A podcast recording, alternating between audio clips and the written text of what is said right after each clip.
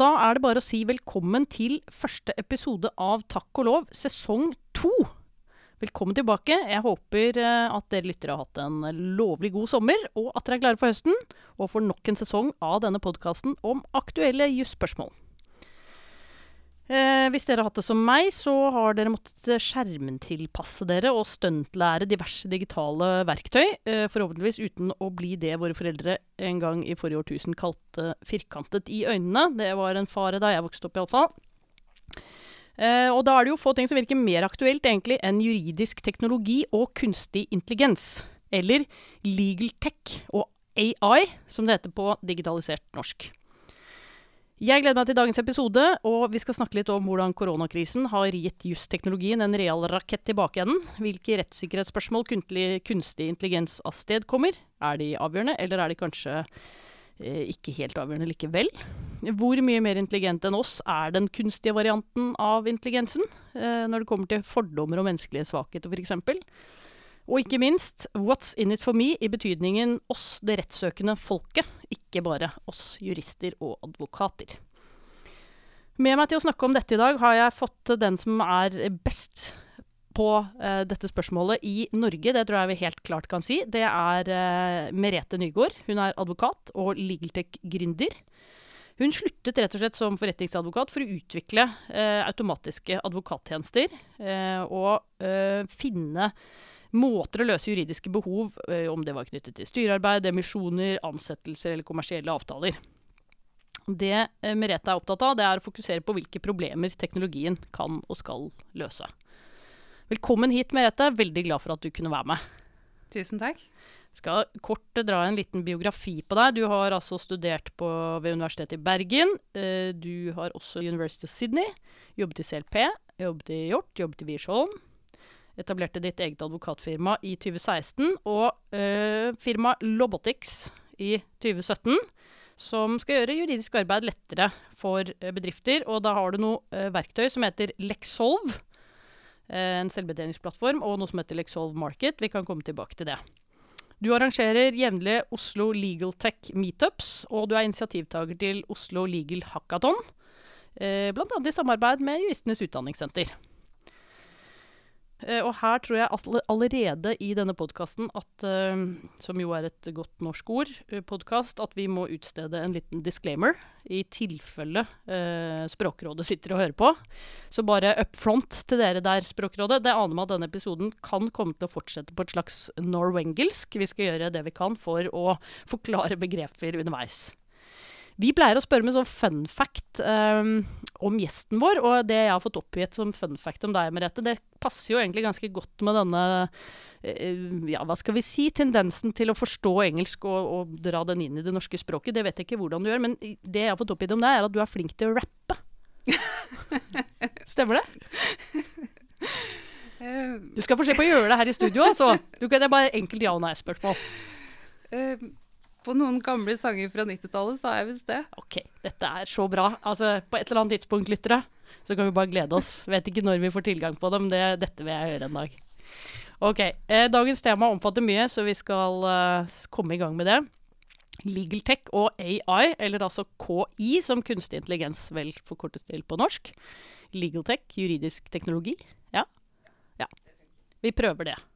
Det er jo en del måter å nærme seg dette på. Man kan Uh, altså, det er jo ikke helt nytt med digitale hjelpemidler inn i jussen, selv om vi jurister er relativt konservative og ja, vel kanskje tar i bruk ny teknologi noe senere enn en del andre bransjer. Så uh, hus jeg, husker, jeg, husker, den tiden før vi brukte e-post i jussen. Uh, det har vi jo fått noe ut av. Så vi er ikke, vi er ikke helt neandertalere, men ganske neandertalere.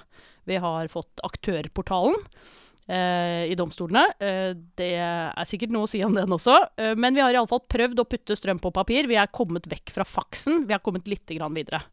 Så det er én måte å tenke på digitaliseringen på. Det er jo hvordan supplerer vi eller erstatter vi det vi allerede gjør som jurister. Og så er det en annen måte, og det er jo hvordan kunstig intelligens kan hjelpe oss å gjøre ting på en smartere måte enn det vi har gjort før. Um, kan vi erstatte fatte noen grad av menneskelig skjønn, f.eks. Kan noen fatte beslutninger på lurere måter enn det vi gjør? Eh, og så er det jo eh, litt usikkert, eller litt ulikt, om vi da fokuserer på om eh, digitalisering av jussen, hvor viktig er den for advokatene? Altså hvor, hvilke verktøy er det vi kan ta i bruk? Advokater, forvaltning, dommere. Eller hvordan dette er for eh, sluttbrukeren ikke-jurist, som vi kaller dem, eh, de eh, Trygve Slagsvold Vedum kaller folk flest. Så vi skal se litt på begge sidene av dette her. Men jeg tenkte bare jeg skulle starte med en uh, lite tilbakeblikk. For det var et sånn utgave av Juristen i fjor hvor folk ble bedt om å spå for fremtiden. Uh, hvilke digitaliseringstrender trodde de kom til å prege, prege 2020? Og da var de opptatt av at det ble, kom til å bli jusroboter i offentlig sektor som fatter vedtak automatisk. Eh, at vi kom til å kanskje kunne oppleve noen skandaler fordi algoritmene gjorde rare ting og kom med veldig ugreie utfall.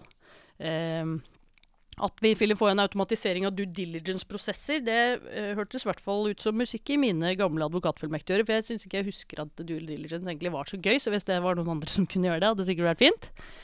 Uh, og så er det spørsmålet om det kommer flere sånne juridiske selvhjelpstjenester, og da er vi på den sluttbrukeren igjen, da. Er det sånn at noen kan få hjelp til denne kronglete jussen på en måte som ikke koster det hvite ut av øyet og tar seks år i rettsapparatet? Jeg eh, vet ikke om du har noen tanker om disse spådommene, Merete, men uh, hvis du bare vil reflektere litt fritt om hvilke endringer vi har sett, og hva vi kanskje kommer til å se fremover selv? Fra i fjor så ser vi i hvert fall definitivt at det kommer mer juridiske selvbetjeningsløsninger for sluttbruker, altså privatbruker.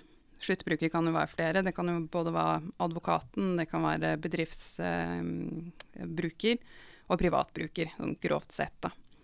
Så det har i hvert fall kommet noen som jeg har sett, som, som retter seg mot, uh, mot privat sluttbruker, hvor du har automatisert um, testament, du har um, hjelp til skilsmisseoppgjøret. Um, fra før av så eksisterte det hjelp til å klage på parkeringsbøter. Så har du roboter som hjelper deg med å klage på forsinkelser på fly og den type ting, som jeg tror er veldig, veldig nyttig. Ja. Og så kan vi sikkert se for oss innenfor det området så er det jo enormt mye. Alt fra nabokrangling på tre. Eh, bare hjelp til å, å få kutta ned det treet tror jeg også hadde vært en veldig nyttig eh. En automatisert motorsag, på en måte? ja, det Eller noen som bedømmer hva som er uturbande. Men du har en haug av de type problemstillinger som er på en måte enkelt, eh, enkelte. Altså relativt enkle å løse eh, som du har en stor gruppe brukere som ville hatt bruk for, som ikke går til advokat, eller som ikke egentlig får den hjelpen til det, for det er såpass spesifikt, og det er, det er altfor dyrt i forhold til hva du skal få ut av det. da. Så mer av den type løsninger tror jeg definitivt kommer, og, og det ser vi som sagt noen eksempler på nå. Hmm. Uh, den, uh, det var spådd at det ble mer roboter i det offentlige. Her her har selvfølgelig ikke jeg hele oversikten, men jeg tenker et eksempel er jo det som ble gjort under koronakrisen på det å, å be om eh, koronastøtte. Ja.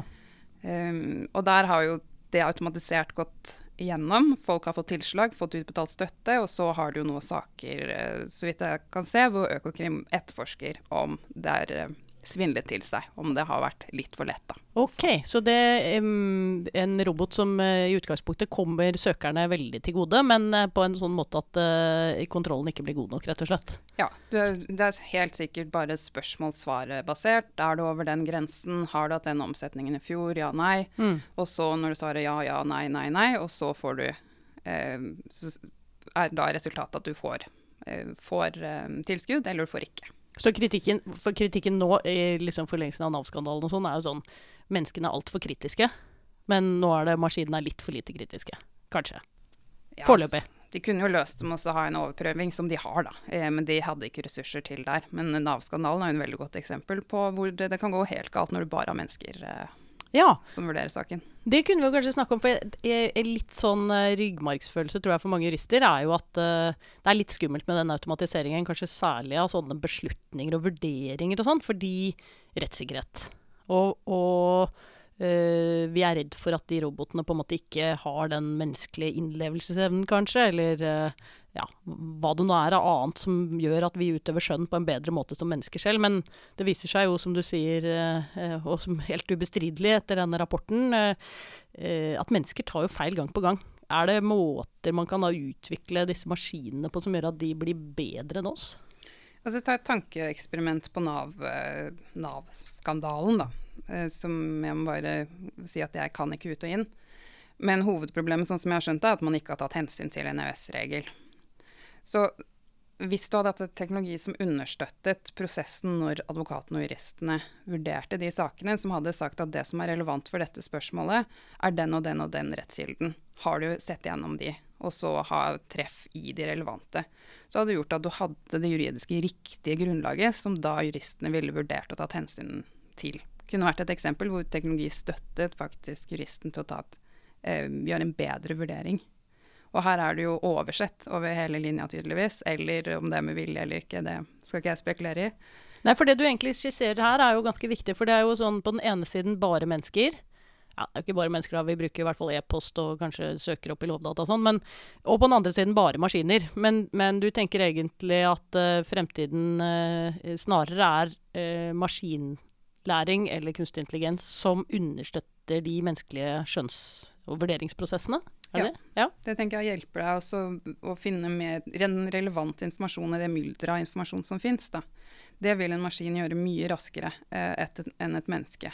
Uansett. Det, det sier du med, med liksom stor uh, innlevelse, og det, jeg tror du har helt rett i det. Men fins det liksom noen undersøkelse på sånn Her får du fire maskiner som skal løse en oppgave, og fire mennesker som er sånn superflinke advokater som skal løse den samme oppgaven med å finne frem i et rettskildebilde og komme frem til et eller annet.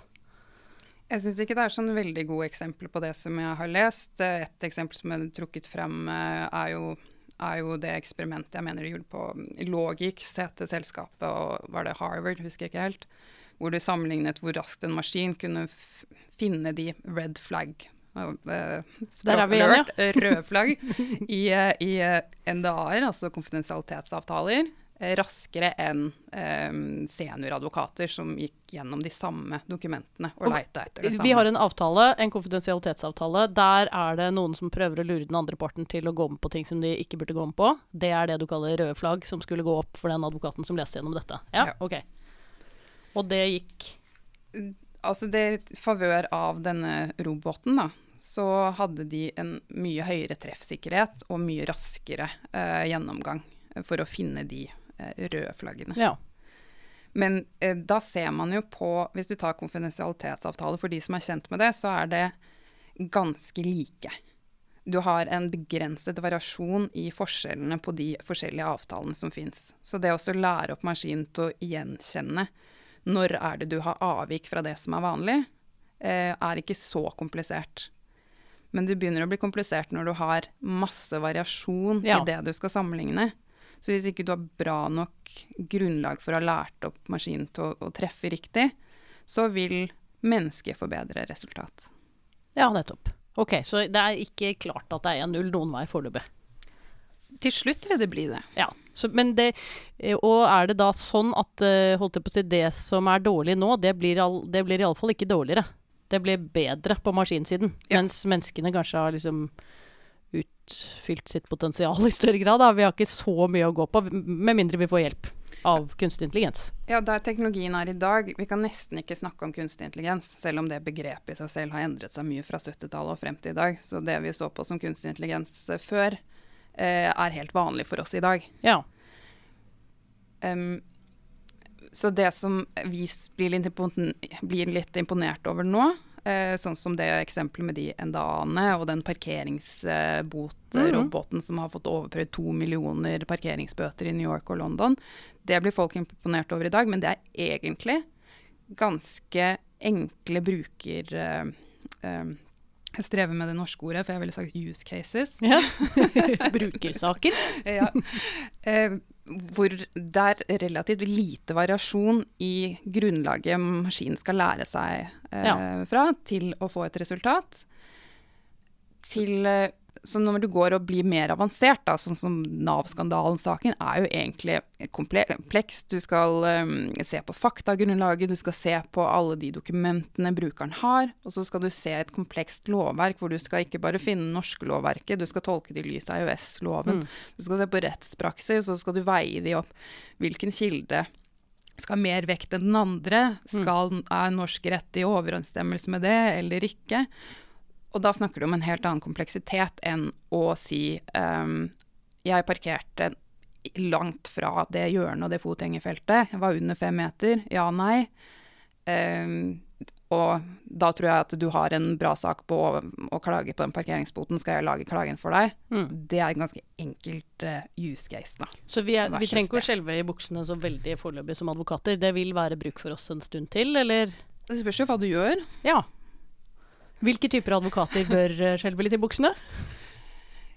Altså, alle, altså McKinsey har jo allerede lagd en rapport eller mener den er fra 2017, som sier 23% av advokatens arbeid som gjøres i dag, kan med eksisterende teknologi, altså teknologi som, eh, som finnes, eh, automatiseres bort.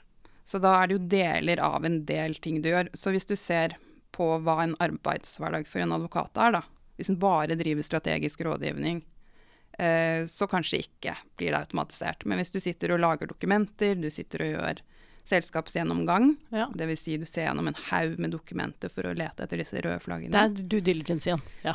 Det er jo sånn repeterbar eh, arbeid som du, kan, som du kan definere for en maskin å gjøre for deg. Mm. For det er veldig sånn eh, eh, Hvis dette skjer, så skal dette skje. Så med en gang du kan fortelle maskinen at det skal den gjøre, og det samme er det advokaten gjør i dag, så kan det arbeidet bli automatisert. Nettopp.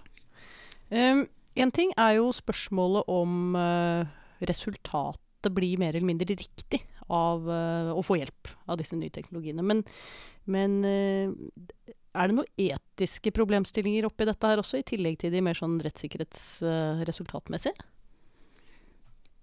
Skal svare som en god jurist. Det spørs. ja, ja og nei. Ja. på den ene og på den andre siden. Ja. Du har jo Det kommer jo helt an på hva, hvilke viktighet, altså hvilken viktighet de beslutningene eller de prosessen du ønsker å automatisere er. Så hvis det for det første er snakk om saker som i dag ikke løses, altså mm, sånn som de nevnte de privatpersonene som ikke får hjelp til ulike ting, hvis alternativet deres er null, Mm.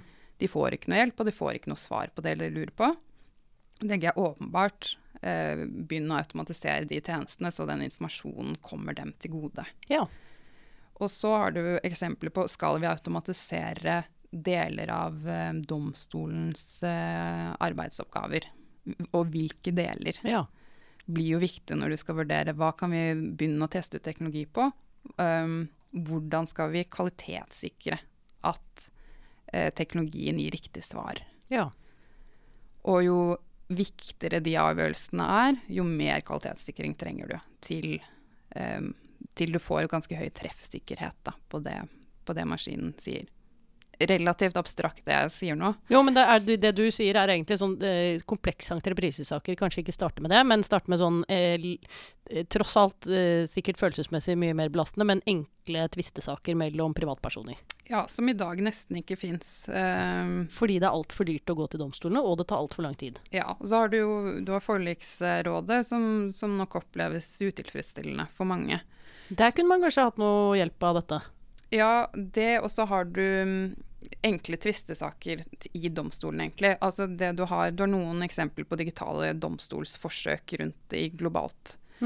Og annet et jeg har sett fra Canada, som jeg tror var aller først å prøve det ut, så tok de småkravsprosessaker, og så automatiserte de ikke selve domsavgivelsen, men de automatiserte store deler. Eller automatisering er ikke riktig heller, altså de digitaliserte og gjorde det enkelt for partene å laste opp relevant dokumentasjon, og, og, og um, hjalp de hele veien til å gjøre det selv, til å legge frem saken sin mot hverandre, og, kan, og også oppfordret egentlig til at de inngikk forlik på veien.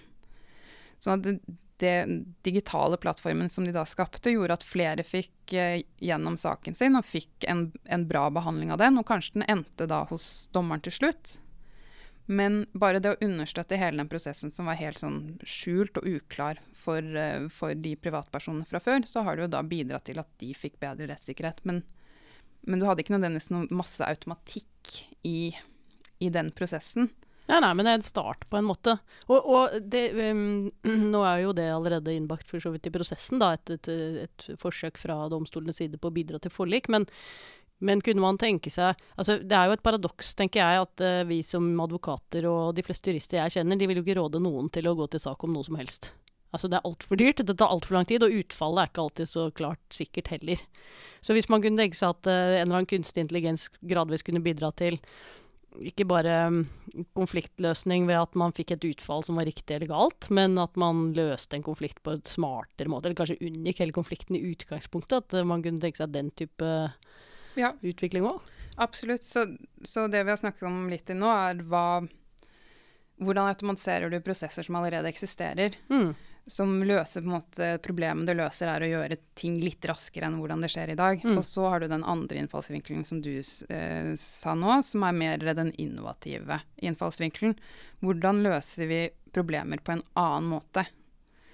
Og det at eh, hvis du ønsker å unngå at problemene og tvistene oppstår, så kanskje ser du hvordan kan du eh, løse et problem lenge før det oppstår, altså rent proaktivt. Ja. Advokater er jo um, som regel reaktive i rådgivningen sin. Ja, både advokater og dommere er vel egentlig reaktive ofte. Ja. ja. Um, men hvis vi tenker oss at uh, det er noen sånne kunstig intelligens eller roboter eller andre som hjelper oss, da, på en eller annen måte, hva, hvordan, hvordan, hva gjør vi for at de skal bli smartest mulig? Det, jeg skjønner at man må på en måte ha en slags uh, oversikt over hva de skal vurdere, og så må man gi dem masse input i den ene enden.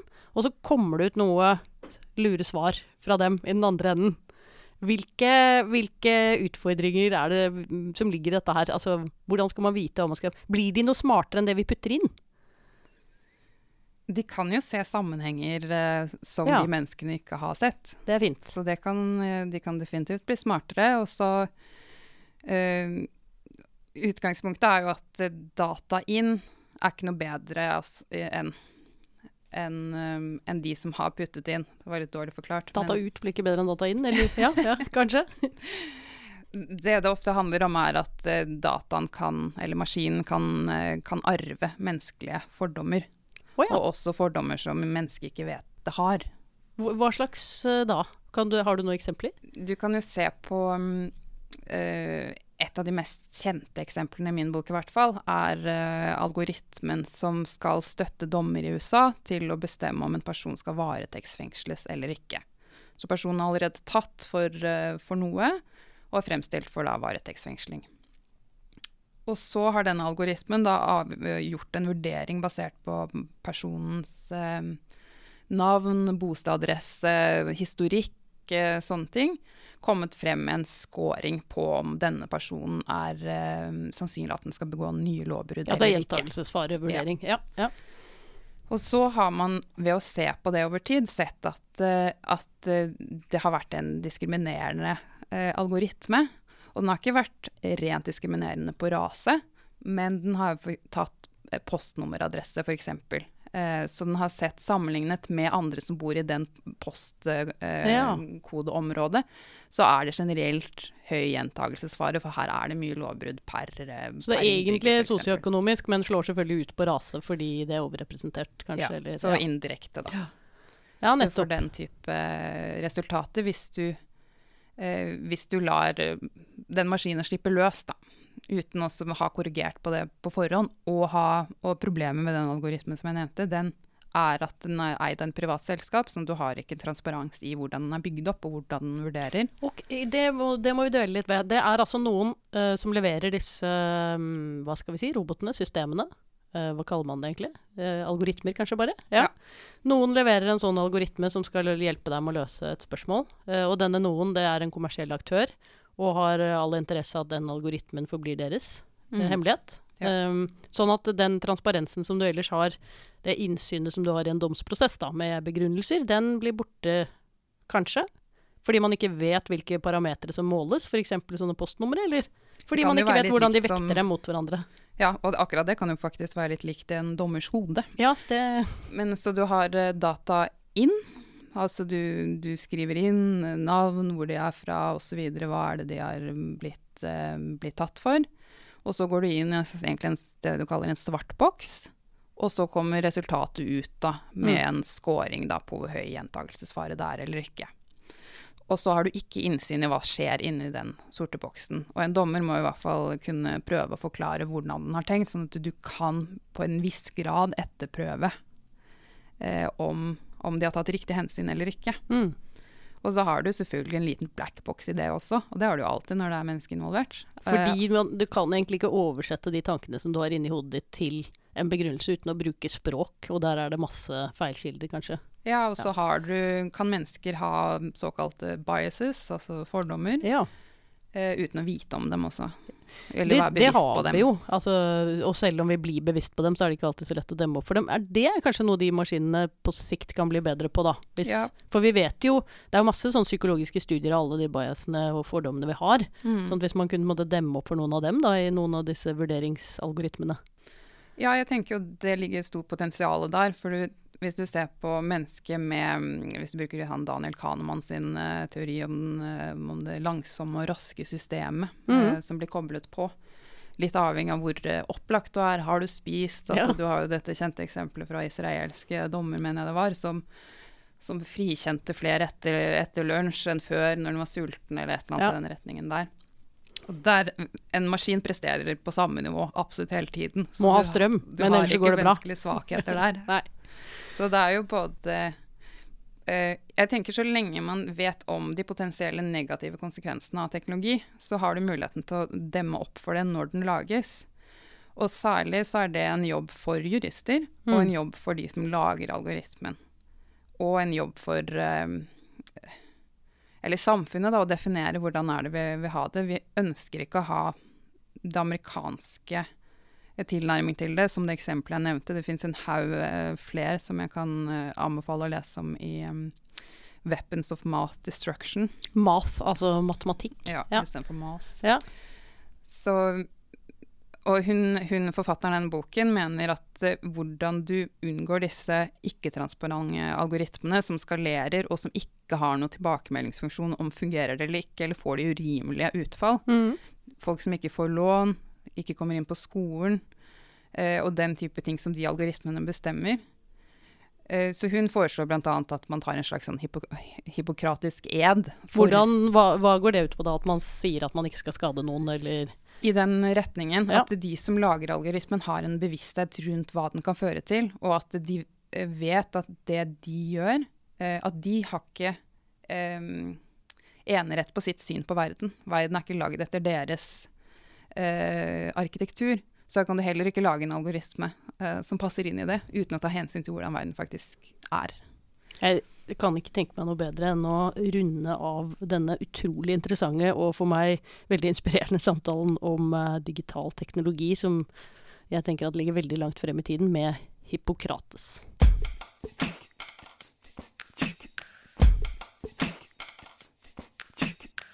Hei, kjære takk og lov-lytter.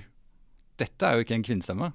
Nei, men dette er en mannsstemme, og jeg er fremdeles Torbjørn Buer, direktør i Juristenes utdanningssenter. Men du er ikke Camilla.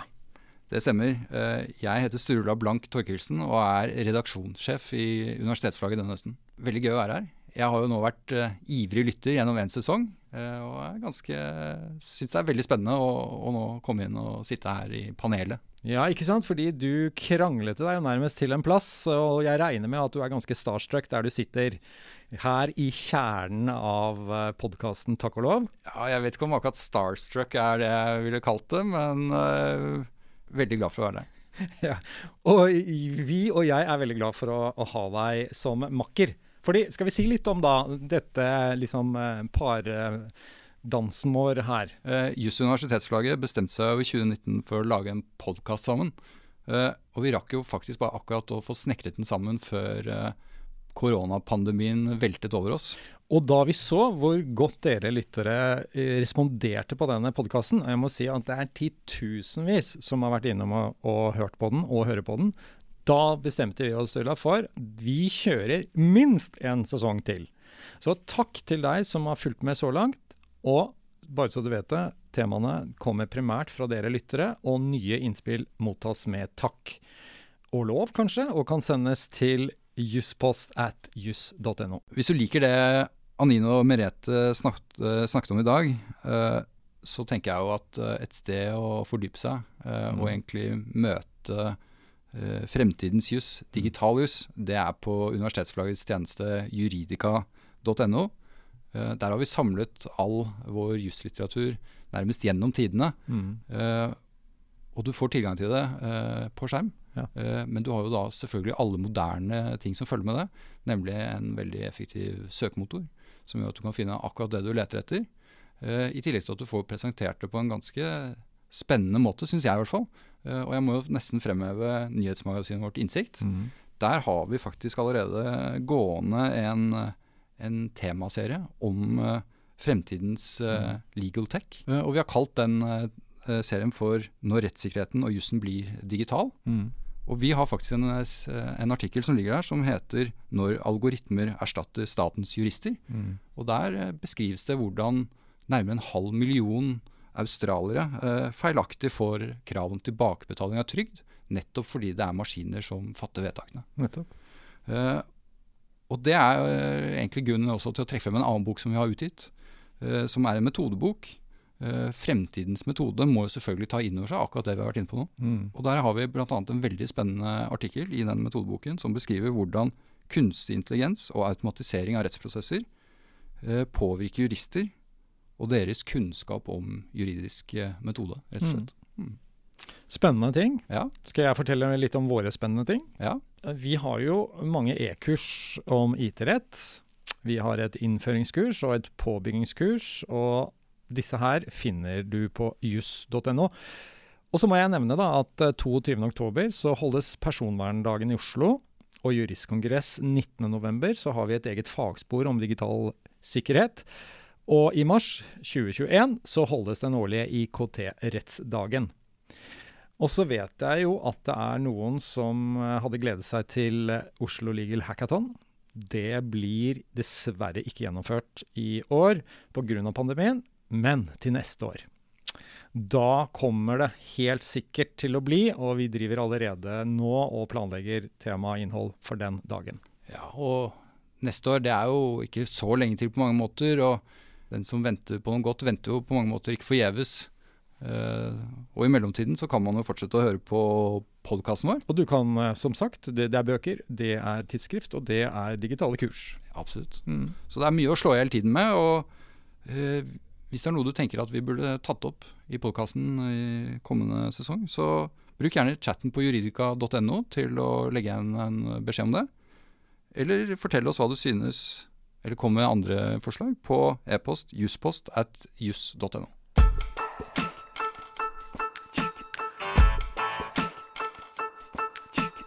Vi prøver å be våre gjester om å, å um, fortelle en historie som de har opplevd i en eller annen juridisk sammenheng. Som, den trenger ikke å være veldig morsom. Har du hørt? Uh, den skal mer være sånn at uh, vi får vite noe som vi ellers ikke fikk vite.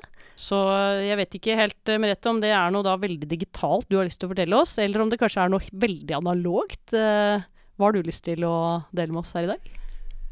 Jeg måtte tenke litt på det, for det er jo flere morsomme ting som ikke egner seg på lufta eller eh, Ja, og da, det er jo det, det er jo det gullet lytteren dessverre ikke fordeler, som vi får høre utenfor studio. Uh, da jeg tenkte på, på den gangen jeg skulle ha en rettssak i en vestlandsk eh, by. Vi skal sjekke inn på hotellet, jeg er sammen med partner i firmaet. Uh, hvor eh, partner blir sånn irrasjonelt sur på at eh, resepsjonisten ikke av seg selv har skjønt at vi skal ha stort rom og, og pult eh, for å forberede rettssaken. Han sa ikke 'vet du ikke hvem jeg er'? Det var nesten, men det var eh, snakket som om hun Dette skulle hun jo allerede selvfølgelig vite. Mens jeg var jo ganske hyggelig mot resepsjonisten, som jeg som regel, eh, som regel er. Um, så det endte med at vi begge fikk da et rom med pult, bare at jeg fikk et mye større rom enn den partneren på grunn av eh, Tipper jeg, hvor, eh, hvordan vi behandlet den resepsjonisten respektivt. Dette er veldig bra. Behandle alltid folk på gulvet godt, og det lønner seg å være snill pike. Du vet aldri hvem folk er. Veldig bra. Tusen takk skal du ha, Merete Nygaard. Det har vært en glede å ha deg med i studio. Eh, takknemlig for eh, den innføringen du ga, og går antageligvis ut av studio med flere spørsmål enn jeg gikk inn. Det må være veldig veldig positivt, tror jeg. Til dere lyttere, vi er tilbake i neste uke med en ny episode av Takk og lov.